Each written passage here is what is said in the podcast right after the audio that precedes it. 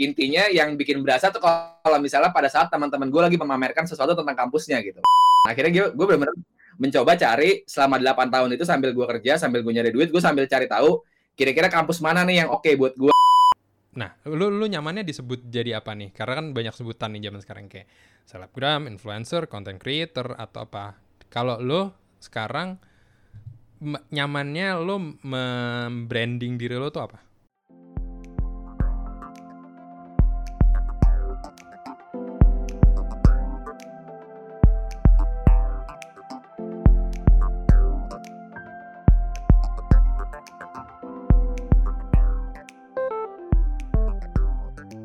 Bagi suara.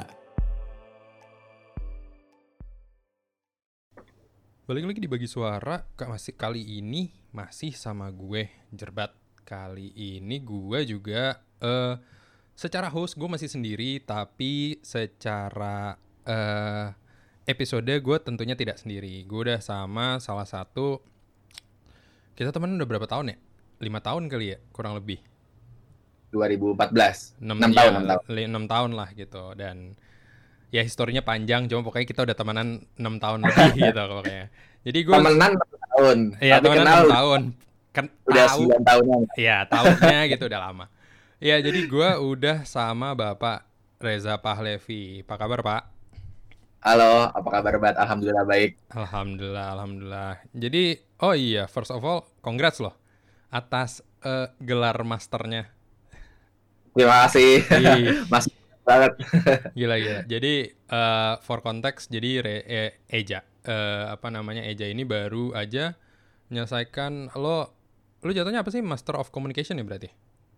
Ya, Master of kalau di versi luar negerinya gue Master of Arts in Communication. Oh iya iya iya. Nah, um, tapi ya kita akan bahas sedikit banyak sih ada hubungannya sih sama uh, pendidikan yang baru beliau selesaikan gitu karena lo sekarang lo juga udah uh, apa ya? Lo udah kepala tiga ya pak sekarang? Udah udah kepala tiga gue. udah, udah, udah, udah. Jadi um, for context, uh, Eja ini dia gap year. Tapi kalau misalnya orang lain biasa gap year tuh cuman kayak ya setahun, dua tahun mentok-mentok. Lo berapa tahun ya? Delapan tahun. Delapan tahun gitu. Jadi ya ya lumayan lama gitu. Nah kayaknya nih uh, di masa pandemi ini nih oh ya dan juga sebenarnya ini bukan rekaman yang pertama cuma rekaman yang pertama tuh ada kerusakan teknis jadi ini diulang lagi gitu sebenarnya. Oke okay, jadi uh, iya di masa pandemi ini juga kayaknya banyak yang nggak tahu sih. Gue kalau ngeliat dari twitter uh, apa namanya dia sosial media lah gitu banyak yang gap year ya lah gitu. Nah lo bisa ceritain singkat nggak? Mungkin kayak dulu uh, lo awalnya banget kenapa gap uh, decide untuk nggak langsung kuliah sih? Oke, okay. jadi uh, first of all, gue tuh lulus SMA, gue tuh sebenarnya uh, angkatan 2007. Jadi gue lulus SMA tuh tahun 2007. Nah, sebenarnya itu awal mula niat gap year gue tuh mulai dari pas gue kelas 11, kelas 2 SMA. Nah, itu uh, gue berpikir, oh nah, nanti gue pas lulus pengen kerja dulu nih karena gue nggak pengen ngerepotin kedua orang tua gue hmm. buat uh, ngebiayain gue kuliah hmm. dan gue pengennya kuliah di kampus yang menurut gue bagus gitu selain yang negeri walaupun yang di swasta gue pengennya dapatnya kampus yang bagus gitu yang kuali yang kualifikasinya bagus lah oke okay. nah terus uh, ternyata pas gue lulus SMA itu tahun 2007 gue beneran langsung gap year dan gue uh, sempat apa namanya uh, emang sengaja nggak mencari uh, kampus negeri nggak coba apa kayak mungkin kalau sekarang namanya SBMPTN segala macam hmm. simak dan lain-lain gue mau coba. Lu masih si karena gue ya? masih etat kita dulu. Iya iya iya. Nah, gue nggak coba karena gue memang berniat pengen gap year dan gue akhirnya mulai bekerja tuh saat itu. Nah, karena lulusan SMA dulu uh, apa namanya ya masih agak udah mulai agak susah buat nyari kerjaan. Nah, hmm. terus akhirnya uh, bokap gue tuh punya teman gitu, punya toko emas di Melamai waktu itu. Hmm. Nah akhirnya gue sama sama bokap gue di di kayak nih lo kerja sama om ini aja gitu. Nah itu uh, eh, gue kerja di situ kurang lebih cuma dua bulan lah karena itu gue kerja di situ dan ternyata si om gue ini tidak memberikan libur sama sekali. Hmm. Libur libur di tokonya dia itu cuma dua kali setahun. Nah hmm. itu uh, Lebaran hari pertama sama idul sama ini tahun baru. Hmm. Idul Fitri hari pertama sama tahun baru doang. Sisanya tuh masuk. Nah itu bener-bener sisanya masuk dan gue bener-bener bekerja karena most likely karyawan dia adalah orang yang diambil dari daerah yang dari Padang karena uh, om gue ini orang Padang. Hmm. Nah terus orang ya karyawan yang diambil dari Padang dibawa ke Jakarta dan dikontrak rumah segala macam. Jadi kayak ya mereka pun di Jakarta kayak nggak punya teman gitu loh atau enggak hmm. ya kayaknya sama dia dia doang sama karyawan-karyawan yang lain. Sedangkan kalau gue pribadi kan nih kayak gue lahir dan besar di Jakarta kan. Teman gue alhamdulillah berkeliaran banyak di Jakarta. Dengan kerja uh, dari jam 10 pagi sampai jam berapa waktu itu? Jam 10 malam. Dari jam 10 pagi sampai jam 10 malam 12 jam itu gue bener-bener uh, ngerasa gue nggak nggak nggak bisa nih kerja kayak gini. Karena gue butuh sosialisasi gue butuh main sama teman gue butuh networking dan lain-lain pokoknya. Nah akhirnya gue cabut bilang sama bokap gue dan akhirnya bokap gue bilang sama om gue dan akhirnya gue uh, resign. Saat itu cuma cuma dua bulan lah kurang lebih terus uh, akhirnya uh, gue uh, memilih untuk bekerja di tempat lain. Tapi pada saat gue lagi lagi nyari nyari itu lagi posisi gue lagi nganggur terus uh, gue dapat kerjaan di uh, sebuah asuransi jiwa gitu lah pokoknya.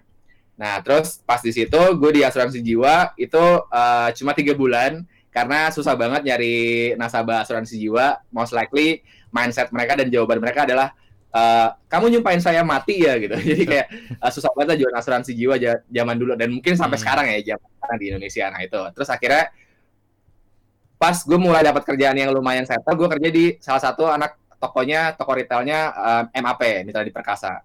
Gue ditaruh di Massimo Dutti waktu itu, tahun 2000 berapa tuh berarti? 2008, 2008, 2009. Mm -hmm. Nah, pas 2008 itu pas banget uh, gue kerja di situ shift-shiftan uh, jadwal gue ngacak tergantung uh, apa uh, undian dari si store manager gue. Mm -hmm. Terus akhirnya uh, gue pas mau diperpanjang uh, gue bilang eh sih gue bilang sama si store manager gue hmm.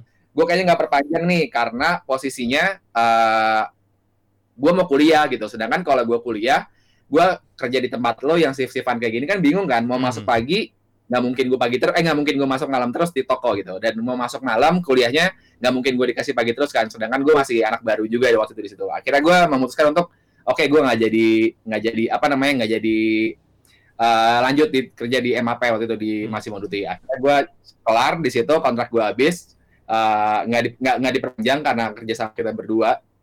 Terus akhirnya uh, gue gue berpikir oh ya udah gue kuliah aja deh gitu gue nyerah deh hmm. gap year karena uh, apa namanya nyokap gue sempat nawarin kamu mau nggak kuliah tapi di uh, kampus yang menurut nyokap gue dan menurut bokap gue itu yang yang mereka cuma mikirnya di murahnya doang gitu okay. karena mereka nggak berkualifikasi dan lain-lain hmm. mau akreditasinya B atau apa pun dia nggak peduli yang penting murahnya karena gue lahir dan besar di keluarga yang menurut gue sangat amat sederhana menuju miskin okay, okay. Terus, akhirnya akhirnya gue berpikir oke okay, gue kuliah aja deh gitu hmm. uh, di kampus yang dipilihin sama nyokap gue itu dan sebisa mungkin kalau bisa dapetin negeri hmm. uh, biar uh, bisa minta keringanan dari pemerintah hmm. segala macam pokoknya tapi ternyata pas gue udah memutuskan untuk nggak jadi gap year, tiba-tiba gue dapat musibah bokap gue meninggal waktu itu. Inilah. Tahun 2008. Hmm. Itu gue, bokap gue meninggal, terus akhirnya gue berpikir, oh kalau kalau kayak gini nggak bisa, karena gue nggak mungkin ngeberatin nyokap gue sendiri kan. Sedangkan nyokap gue cuma ibu rumah tangga waktu itu. Udah akhirnya uh, gue berpikir, oke okay, gue lanjutin gap year-nya lagi deh gitu. Akhirnya gue lanjutin gap year-nya dan gue bekerja di beberapa perusahaan gue ngajar uh, les bahasa Inggris for kids udah pernah hmm. gue ngajar komputer buat uh, zaman dulu kan kayak uh, apa ngajarin orang buat internetan buat email buat bikin uh, apa ini buat buat, buat internetan basic dulu kan masih agak susah kan hmm. nah terus akhirnya gue pernah juga terus gue uh, yang lumayan lamanya itu gue pernah kerja di se sebuah perusahaan investment gitu di sebuah perusahaan saham hmm. itu uh, gue lima tahun di situ nah akhirnya pas 2014 itu setelah gue gap year 7 tahun 2014 uang gue udah terkumpul buat hmm. gue daftar buat coba di negeri udah nggak dapat yang kelas yang bi apa yang kelas biasa karena setahu gue buat daftar di negeri itu kan tiga, maksimal tiga tahun setelah lulus SMA kan jadi itu udah tahun 2014 udah nggak bisa hmm. gue daftar kalau di negeri gue dapat kelas yang kayak kalau di UI kalau nggak salah paralel gitu deh paralel okay. tuh itu bisa di, hmm, hmm. bisa lewat dari tiga tahun akhirnya gue pas udah pengen daftar di situ tahun 2014 gue memilih buat daftar di uh, eh, LSPR di kampus gue hmm. uh, kemarin itu dan akhirnya pas tiba-tiba gue udah pengen daftar gue dapat musibah lagi keluarga gue intinya hmm. keluarga gue dapat musibah yang mengharuskan gue untuk menggunakan uh, uang tabungan gue itulah gitu nah, akhirnya kepake dan gue nabung setahun lagi tahun 2015 nya itu gue udah punya uang tapi belum sebanyak uh, seharusnya gitu. Hmm. Kalau ang- anggaplah misalnya gue butuh buat daftar itu uh, 10 juta. Nah, uang gue tuh baru 8 juta saat itu misalnya Hmm, kayak gitu. hmm, Nah, hmm, hmm. uh, gue nekat tetap daftar, gue tetap beli formulir, gue daftar, terus untungnya di kampus gue tuh bisa cicil bayarnya. Hmm. Jadi bisa cicil empat kali kalau nggak salah. Gue cicil sampai cicilan pertama aman, cicilan kedua aman, pas cicilan menuju uh, keempat, ketiga juga masih aman, pas mau keempat itu uh, tabungan gue masih belum cukup. Akhirnya gue sempat minjem ke uh, dua orang teman gue yang lain lah. Akhirnya gue uh, minjem sama mereka dan alhamdulillah dikasih. Terus udah akhirnya gue tetap bekerja, tetap nyari duit segala macam. Hmm. Dan alhamdulillahnya 2015 gue daftar uh, kuliah biasa, gue menjalani perkuliahan gue seperti orang normal.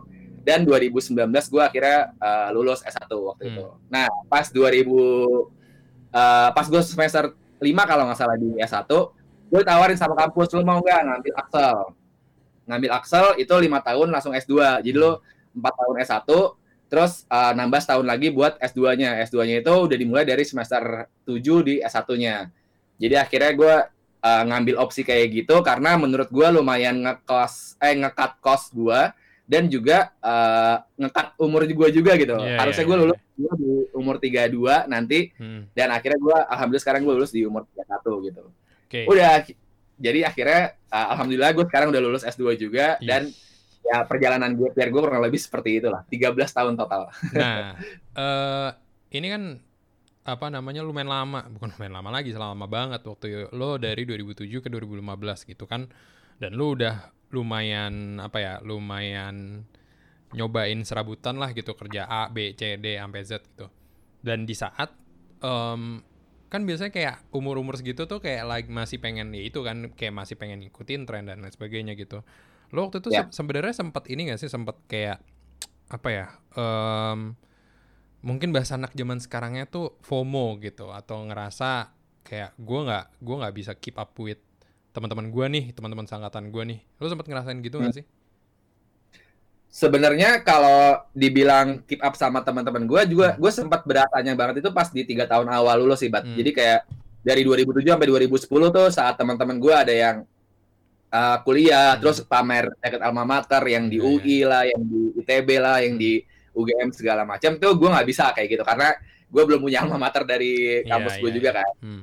Terus uh, intinya yang bikin berasa tuh kalau misalnya pada saat teman-teman gue lagi memamerkan sesuatu tentang kampusnya gitu. Hmm. Nah itu uh, paling banget berasa itu pas 2011. Harusnya kan gue lulus lulus S1 kan 2011 kan kalau Iya. normal kan. Hmm, hmm. Nah pas 2011 itu teman-teman gue pada lulus baru tuh pada kayak uh, pada ngepost wisuda lah, ngepost yang gue berhasil lulus tiga setengah tahun lah segala macam. Hmm. Nah itu gue kayak wah harusnya gue udah lulus juga nih tapi ya nggak apa-apa lah mungkin Hmm. nasib gue memang kayak gini kan. Jadi akhirnya gue tetap jalanin.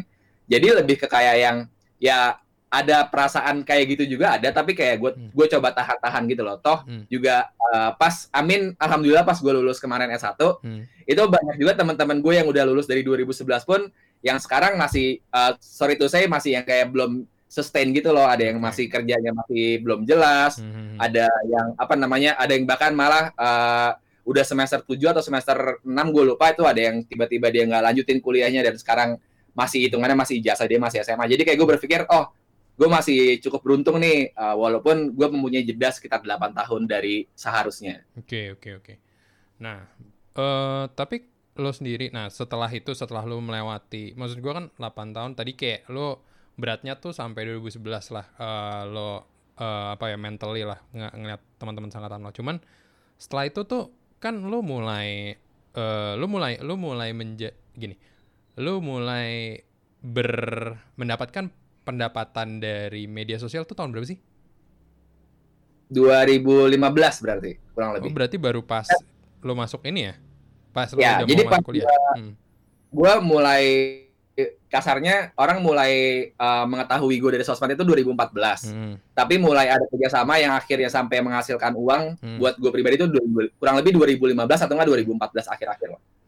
Lo berarti kan em, ibaratnya yang lo kumpulin apa namanya lo kumpulin buat lo kuliah eh, tadinya di, eh, 2015 itu kan it's not an instant money quote unquote ya karena kalau lo udah punya ibaratnya lo udah punya platform kayak sosial media kayak misalnya eh, kayak sosial media lo sekarang agak lumayan mudah lah gitu buat ibaratnya kerja dapat pendapatan dari situ. Cuma berarti waktu itu lo bener-bener uh, ya kerja apa aja lo tabung. Tapi lo gimana sih? Uh, karena kalau gue dulu sempet kenapa gue lulus lama karena gue udah kerja duluan sebelum gue lulus dan ujungnya kayak ah gue udah kerja ini deh. Gue gue jadi agak abai lah gitu sama pendidikan. Tapi lo tetap uh, ibaratnya masuk eh apa namanya? Ibaratnya pengen tetap kuliah gitu. Lo waktu itu uh, lu mikirnya gimana sih? Jadi gue berpikir gue gue punya quotes andalan hmm? itu kalau sering lihat di Google juga sering banget orang ngepost kayak hmm. remember why you start it. Jadi kayak hmm. gue berpikir uh, gue gap year gue nyari duit kan gara-gara gue inget gue remember kalau gue pengen uh, pakai uangnya buat kuliah gitu loh. Nah hmm. uh, banget yang pada nanya termasuk lo juga yang barusan kayak pada saat punya duit kan biasanya kita terlena kan yes. jadi kayak malas kuliah lah hmm. atau uh, udahlah uh, bodo amat dengan pendidikan gue udah punya duit sekarang gitu nah kalau gue nggak gue malah berpikir gue nyari duit kan buat kuliah gitu kalau pas hmm. gue udah punya duit tiba-tiba malah gue pakai buat yang lain kan malah gue sama aja mengkhianati diri gue sendiri kan gitu akhirnya ya emang gue pakai buat gue kuliah dan sebisa mungkin ya uh, semaksimal mungkin gue bisa gitu kayak misalnya kan banyak yang bilang uh, kan kuliah di swasta kan lebih mahal dibandingkan kuliah negeri hmm. segala macam nah gue berpikir ya gue udah GPR 8 tahun, gue udah berpikir buat ngumpulin duit 8 tahun. Kalau gue ujung-ujungnya kuliah di tempat yang biasa aja atau mungkin di tempat yang akreditasinya nggak terlalu bagus, itu kan gue juga nggak nggak apa namanya nggak enak juga buat diri gue sendiri kan. Akhirnya yes. gue gue benar-benar mencoba cari selama 8 tahun itu sambil gue kerja, sambil gue nyari duit, gue sambil cari tahu kira-kira kampus mana nih yang oke okay buat gue dengan uh, mungkin kayak impian gue dan passion gue, gue pengen uh, kuliah di HI, di hubungan internasional, terus akreditasinya bagus, mungkin jam kerjanya eh jam kuliahnya juga pas sama jam kerja gua. Terus juga uh, pastinya pembayarannya kayak misalnya nggak terlalu mahal segala macam. Nah, by the way gue kuliah ngambilnya kelas malam, Bat. Hmm. Hitungannya kalau orang-orang kelas karyawan, tapi di kampus gue bukan kelas karyawan namanya, kelas shift malam aja gitu. Okay. Nah, jadi gue pagi 9 to 5 itu gue ngantor waktu itu masih di perusahaan gue yang saham itu. Hmm. Terus uh, eh, 6 to 9 gue kuliah uh, S1-nya. Okay. Hmm. Gitu. Nah, uh, Nah, habis berarti kan lo uh, ya lo berarti main apa ya bagi waktu lah gitu kan. Bagi waktu. Betul. Nah, uh, tapi emang lo lo berarti benar-benar kayak quotes lo tadi ya, uh, mindset lo tuh ya remember everything eh ketika lo lagi ngapain pun ya lo harus ingat kenapa lo memulai itu gitu berarti kan. Betul. Oke. Okay.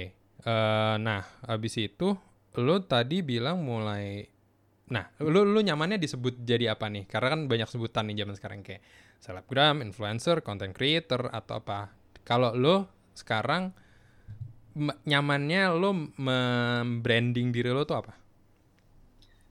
Uh, kalau secara title gue sebenarnya bebas, tapi kalau bisa jangan selebgram karena gue gak gitu sama kata-kata tersebut. Nah, tapi kayak kalau misalnya gue mungkin bisa request ya mungkin lebih ke arah content creator sama social media influencer sih paling. Oke. Okay. Nah, Terus um, dan ini kan berarti sesuatu yang you find along the way gitu.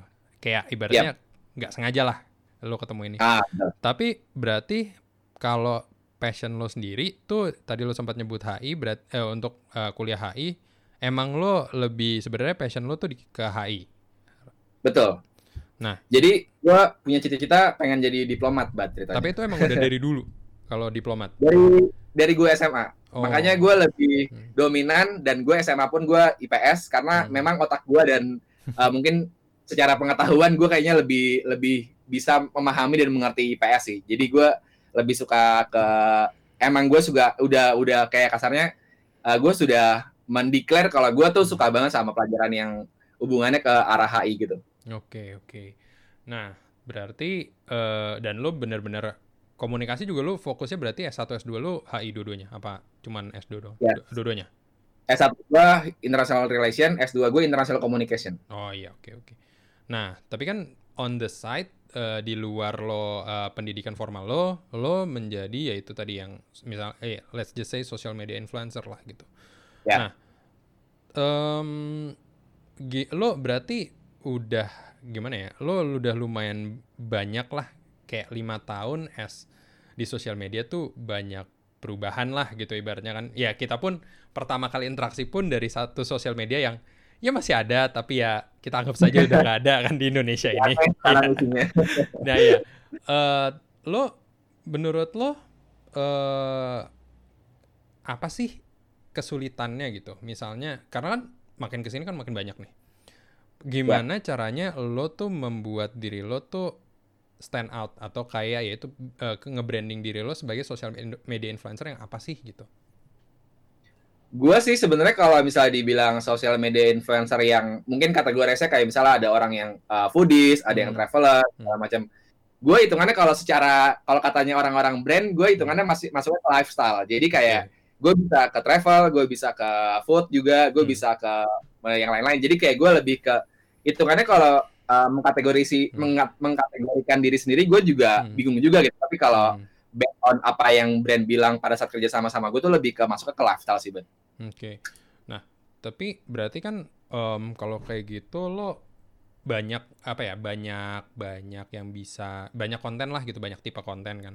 Ya. Kalau misalnya di luar ya misalnya lo kerja sama sama brand, lo biasanya bikin konten tuh based on apa sih? gue biasanya based on experience. Jadi gue Hmm. suka banget nge-share sesuatu yang emang udah gue jalanin gitu. Jadi kayak Mhm. Kalau misalnya uh, kayak pengalaman gue gap year ini bisa dibilang salah satu konten gue yang paling sering gue post ya. Jadi Hmm. kayak uh, kenapa gue sering ngepost kayak gini karena banyak banget uh, uh, apa namanya orang-orang yang kayak baru gap year satu atau dua tahun terus tiba-tiba mereka udah nyerah. Ada Hmm. yang di uh, apa namanya di hate sama teman-temannya. Ada yang lingkungannya uh, kenapa kenapa gara-gara ini orang kenapa nggak kuliah segala macam. Nah, gue pengen mengencourage mereka bukan memaksa atau menyuruh mereka buat gap year ya, tapi kayak Hmm. buat orang-orang yang memang mengalami uh, apa namanya posisi yang sama kayak gue, gap year yang karena kita mengalami kesulitan di materi, kita nggak punya uang buat kuliah, buat lanjut kuliah, itu kan uh, bisa dibilang kayak kita gap year bukan gara-gara kemauan kita kan, tapi kan Hmm. gara-gara keadaan uh, yang memang memaksakan kita buat akhirnya menunda kuliah kita gitu. Nah, gue pengen mengencourage mereka kalau ya it's okay to gap year gitu, tapi uh, kalau memang lu punya materi, lu punya duit, lu punya kesempatan, punya rezeki, Hmm. ya jangan gap year gitu. Tapi Ya, kalau misalnya posisi lu udah gap year ya nggak apa-apa. Jadi kayak kalau misalnya dibilang uh, konten-konten yang sering gue post ya biasanya lebih ke arah pengalaman yang sudah gue alami. Jadi kayak gue nggak yang ngeraba-raba, nggak yang sotoy, bukan sesuatu hal yang gue paham tiba-tiba gue post tuh nggak kayak gitu. Gue lebih ke kayak yang oh based on pengalaman gue sih kayak gini, jadi gue post segala Oke, macam oke. gitu. Nah, terus em, ini kan juga eh, masa-masa yang aneh nih ya selama Iya, 2020 ini kan dan apalagi kan lo salah satu konten lo adalah konten travel gitu di mana ya lo Betul. lu udah lu udah ke semua benua kecuali Afrika ya? Apa enggak? Apa ada yang belum juga? Sama sekali belum. Apa? Eh, enggak. banyak sih Amerika sama Australia sama Afrika gue belum. Oh, gue gue kayak buset lu udah berapa berapa negara yang udah lo datengin? 25. Nah, iya buat gue sih udah banyak Tapi- sih. Gue gak tahu kalau buat orang lain. Dari 25 gue uh, soalnya 16-nya di Eropa jadi kebanyakan di Eropa sama dong. Oke oke. Nah, iya eh ma- apalagi ya maksudnya di masa-masa kayak gini lu sebagai ya yang salah satu yang kontennya travel terus kan susah nih ibaratnya lu mau bikin konten travel juga nggak bisa gitu. Gimana sih lu eh apa namanya selama eh, ini sejauh ini ketika di pandemi ini lu bikin konten-konten di sosial media lu gitu. Kalau konten di sosmed karena pandemi gini pastinya kalau travel uh, udah udah pasti banget kita nggak bisa ya. Tapi Hmm. uh, kan kita bisa ngepost throwback kayak di awal-awal tuh kayak dari Maret sampai Juni lah kalau nggak salah.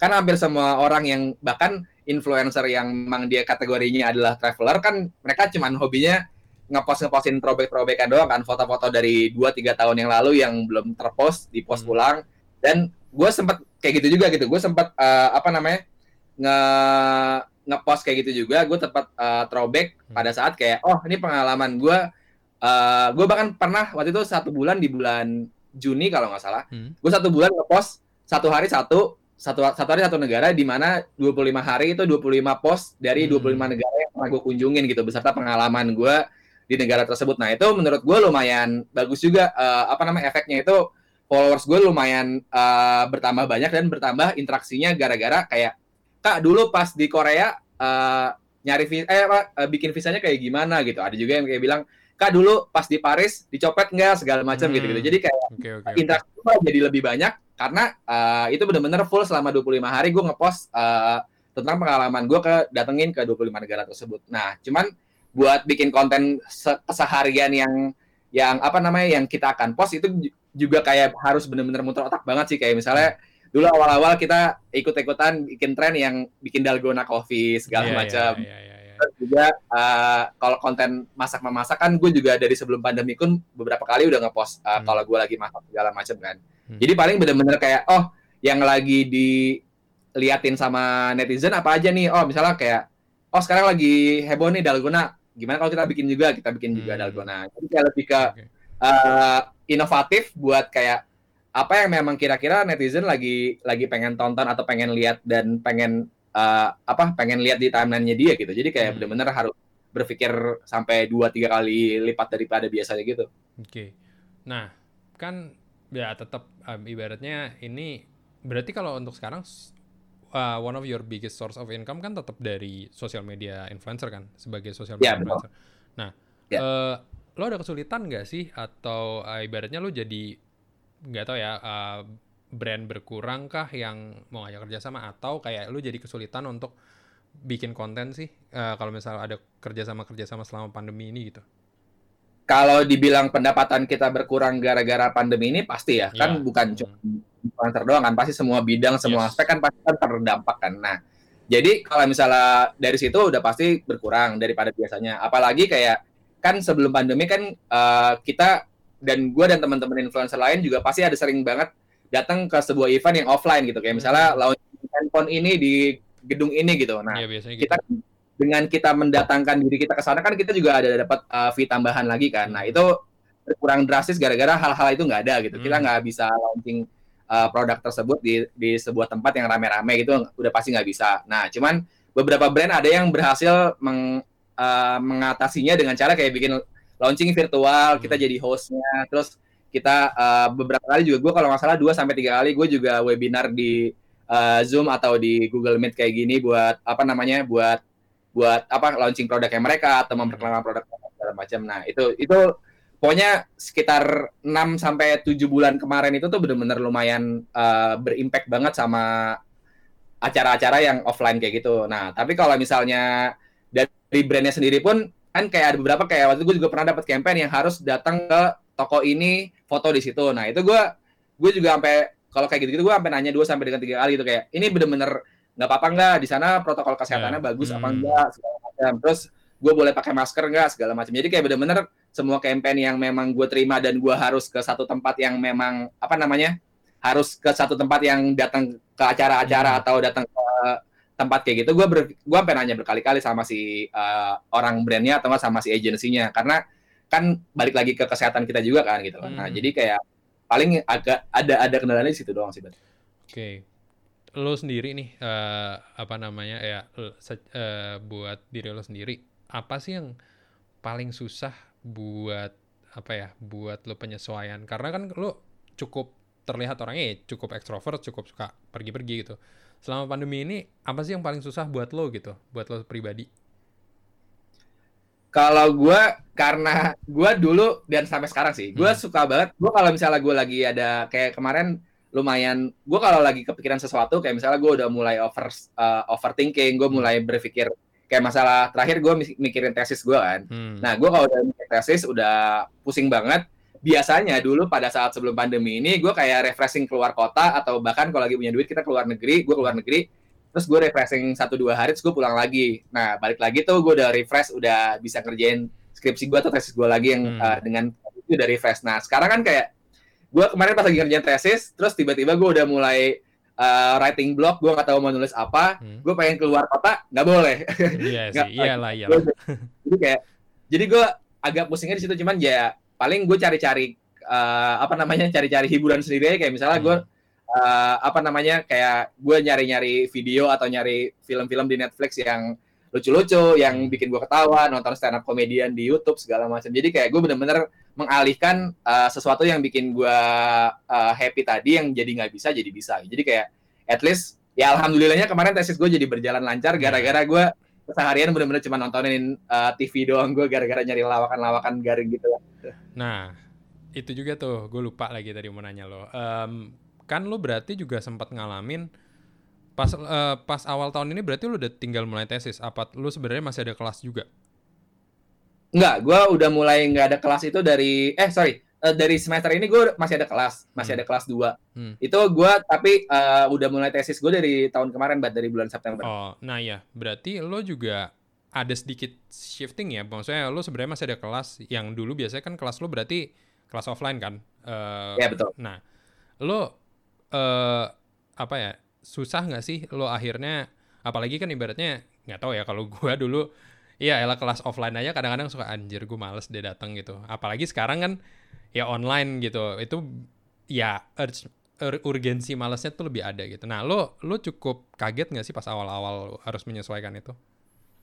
Gue tergantung dari dosennya, Bat. Hmm. Kalau misalnya memang dosennya kayak di uh, semester ini kan gue ada dua kelas kan. Eh, hmm. sorry, ada tiga Hmm. Yang satu lagi persiapan kelas persiapan tesis. Nah, yang dua kelas ini kan kelas biasa dan gue uh, di Google Meet kan. Hmm. Nah, itu dosen itu benar-benar dia memaksa kita buat munculin video.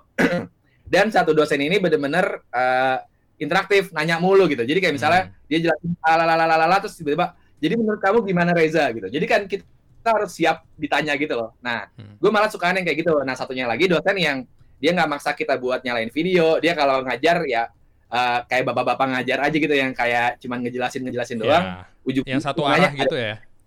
Iya satu arah. Nah itu jadi kayak gue sukaan yang malah dipaksa buat nyalain video dan hmm. interaktif kayak gitu karena bikin kita tanda kutip jadi kayak bangun gitu loh. Yang satunya lagi gue kadang-kadang kelas sambil tiduran terus sambil nonton Netflix tapi mikrofonnya gue matiin segala macam.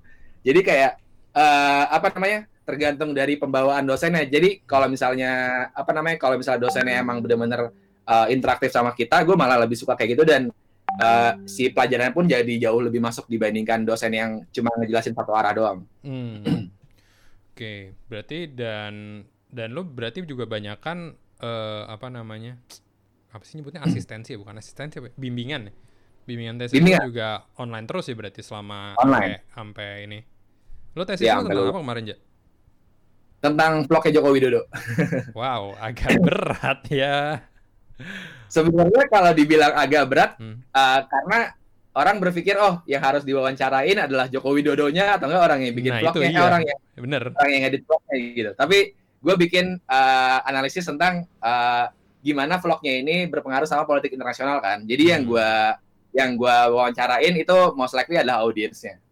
Hmm, oke okay, oke. Okay. Tapi emang ngaruh ya? Gue gue gue beneran penasaran sih kalau itu kayak emang vlognya Joko, maksudnya vlog dia di YouTube emang ngar ngaruh dengan international relations? Uh, dari hasil penelitian gue kemarin dan alhamdulillah gue terus, jadi vlognya ini gue kayak sidang anjir. Enggak, gue penasaran aja sih beneran. Jadi vlognya ini berpengaruh, hmm. tapi ruang lingkupnya memang jauh lebih besar di nasional dibandingkan internasional. Oh, tapi juga ini berpengaruh buat ruang lingkup informal. Jadi kayak hmm. misalnya kalau misalnya lo perhatiin politik uh, internasional Joko Widodo dengan beberapa kepala negara lain, hmm. kayak gara-gara beberapa kali kayak misalnya uh, Joko Widodo pernah ngevlog sama Raja Salman kan. Hmm. Nah, itu uh, kedekatan uh, antar kedua negara pun antar antar kepala negara dan antar kedua negara menurut gue juga dari penelitian gue itu jauh lebih uh, dekat dibandingkan uh, apa namanya uh, gara-gara mungkin menurut gue analisis gue mungkin bisa jadi gara-gara vlog ini juga gitu. Jadi kayak vlog ini membantu kedekatan kedua negara tapi nggak secara, secara formal general. Ya, nggak secara formal dan gara-gara bukan gara-gara vlog langsung jadi dekat nggak, tapi salah satu yang bikin dekat adalah mungkin hmm. bisa jadi si vlognya ini gitu. Oke oke. Tapi berarti lo sempat cari tahu nggak sih apa kayak cuman Pak Jokowi yang apa punya vlog atau kayak sebenarnya pemimpin negara lain tuh juga ada yang bikin kayak gini sih? Gue nggak tahu sih lo sempat cari tahu nggak sih? gue nyari tahu pasti kayak uh, seberapa aktif kepala negara kepala negara yang di, sos di sosmed kayak misalnya Donald Trump kan aktif banget tuh di Twitter nah, terus di Narendra Modi uh, apa namanya perdana menteri India uh. dia punya YouTube juga oh. tapi dia lebih kayak konten pidatonya dia konten jalan-jalannya dia eh, apa perjalanan tugas dia tuh di post semuanya bener-bener bener-bener kayak nonton berita aja gitu karena kalau Jokowi dia kan ada dari skrip dari tesis gue kemarin hmm. dia total tuh ada tujuh kali bikin yang vlog yang benar-benar handphonenya dipegang sendiri gitu jadi kayak hmm. uh, yang gue teliti tuh yang itu karena okay. pas ngevlog ini kan Joko Widodo kan ngevlognya kan berdua sama kepala negara lain hmm. kayak ada Raja Salman Presiden uh, Prancis Perdana Menteri Kanada Presiden Turki hmm. terus terakhir sama si Perdana Menteri Malaysia si Mahathir Muhammad yang baru mundur kemarin kan. Oh. Nah itu uh, kedekatan mereka berdua kan kalau ngevlog kan harus bener-bener badannya kan nempel kan. Hmm. Jadi kayak kedekatan gitu yang gue teliti kayak ini ngaruh gak nih gara-gara jadi deket banget ngaruh nggak nih sama kedekatan kepala negaranya sama ke kedekatan ke negaranya gitu. Jadi kayak yang gue teliti itu kemarin. Hmm. Nah, hasil penelitian gue dan hasil wawancara gue sama narasumber itu uh, bisa dibilang lumayan uh, ber, berdampak, lumayan ber uh, apa namanya berimpact, tapi dalam lingkup informal. Nah, hmm. kalau misalnya pengen gua pengen uh, jawaban yang kayak ini berdampaknya seberapa berdampak gitu. Nah, itu hmm. gue nggak bisa karena penelitian gue kan kualitatif kan. Ya, ya, ya. Jadi kalau pengen ditanya seberapa berdampak dari segi angka itu ya gue harus uh, bikin penelitian baru yang kuantitatif. Jadi kayak gue uh, kasarnya bikin uh, sarannya di simpulan saran di bab 5 gue bikin kalau misalnya pengen tahu secara angka mohon bikin penelitian baru dengan versi kuantitatifnya ya gitu. Nah, siapa tahu ntar kalau lo udah jadi diplomat terus lo S3 gue nggak tahu ada S3 HI gak sih? Ada nggak sih? ada ada, tapi lebih kayak lebih dalam, nggak yeah. cuma HI doang. Oh iya, iya. iya. Nah, mm, mungkin terakhir sih ini um, balik lagi kita agak jauh nih uh, jalannya. Uh, apa namanya?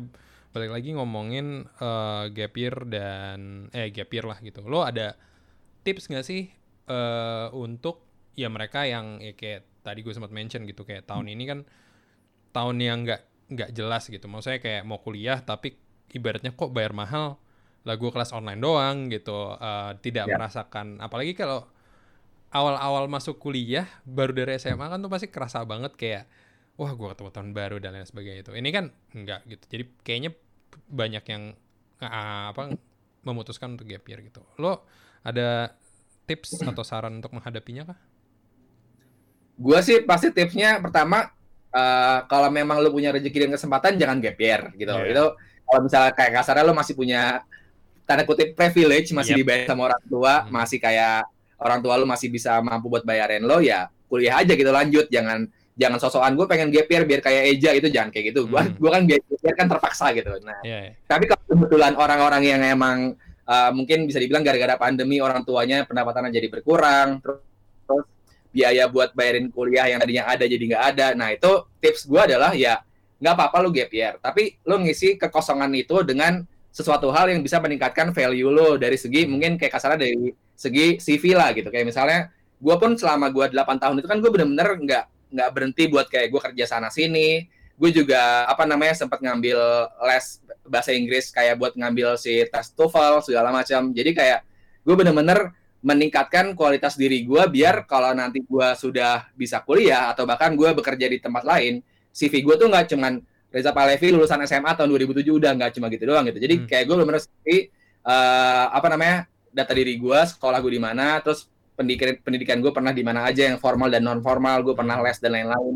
Jadi kayak bener-bener isi kekosongan diri lo yang eh, nggak uh, kuliah tadi dengan sesuatu hal yang bisa meningkatkan uh, kualitas hidup lo lah pokoknya. Kan juga kalau sekarang kan baik banget kan ada seminar-seminar online yang gratis juga banyak. Terus nontonin podcast eh nontonin apa dengerin podcast-podcast orang yang bener-bener oh ternyata kayak gitu loh. Jadi kayak bener-bener hmm. baik banget suatu hal yang kayak sekarang sih udah mendukung banget ya. Kalau dulu kan masih belum ada kan kayak gini-gini kan. hmm. kan. Jadi kayak bener-bener lo datang ke seminar uh, eh nonton seminar online segala macam yang bisa uh, meningkatkan skill lo dan bisa meningkatkan kualitas diri lo yang uh, tadinya lo harusnya lagi kuliah tapi lo jadi nggak kuliah gitu. Nah, hmm. Nah pada saat lo udah punya kesempatan, lo udah punya rezeki, nah itu langsung uh, hajar saat itu juga, jangan ditunda-tunda karena semakin lo menunda, kayak tadi lo bilang juga mungkin pada saat lo punya duit banyak lo jadi makin malas segala iya, macam. Yeah, nah yeah. kalau kalau lo bukan bukan tipe yang berprinsip kayak gue pengen kuliah karena pengen kuliah, nah itu jadi kayak kalau dapat kesempatan langsung kuliah aja saat itu juga gitu. Nanti keburu malas, keburu jadi nggak mood gara-gara udah pada udah pada megang duit banyak, jadi hmm. kayak mendingan langsung hajar saat itu juga. At least minimal banget kalau bisa, pokoknya gue ngikutin kata-kata Raditya Dika, kalau hmm. bisa lu minimal banget satu lah gitu. Karena dengan lu bermodal S1, menurut gue jalan lu ke depan akan jauh lebih baik dibandingkan lu cuma modal SMA doang. Oke, thank you banget ya uh, buat waktunya udah sharing-sharing ya. Um, Sama-sama buat buat pendengar bagi kata eh bagi kata salah gue buat pendengar bagi suara uh, jangan lupa follow uh, bagi suara di Instagram @bagi suara tungguin setiap minggunya di hari Senin, Rebo dan Jumat dan juga uh, di hari Rebo di Blinded Podcast Project ada giveaway setiap hari Rebo. Jangan kelewatan. Oke okay, uh, Jerbat signing off. Bye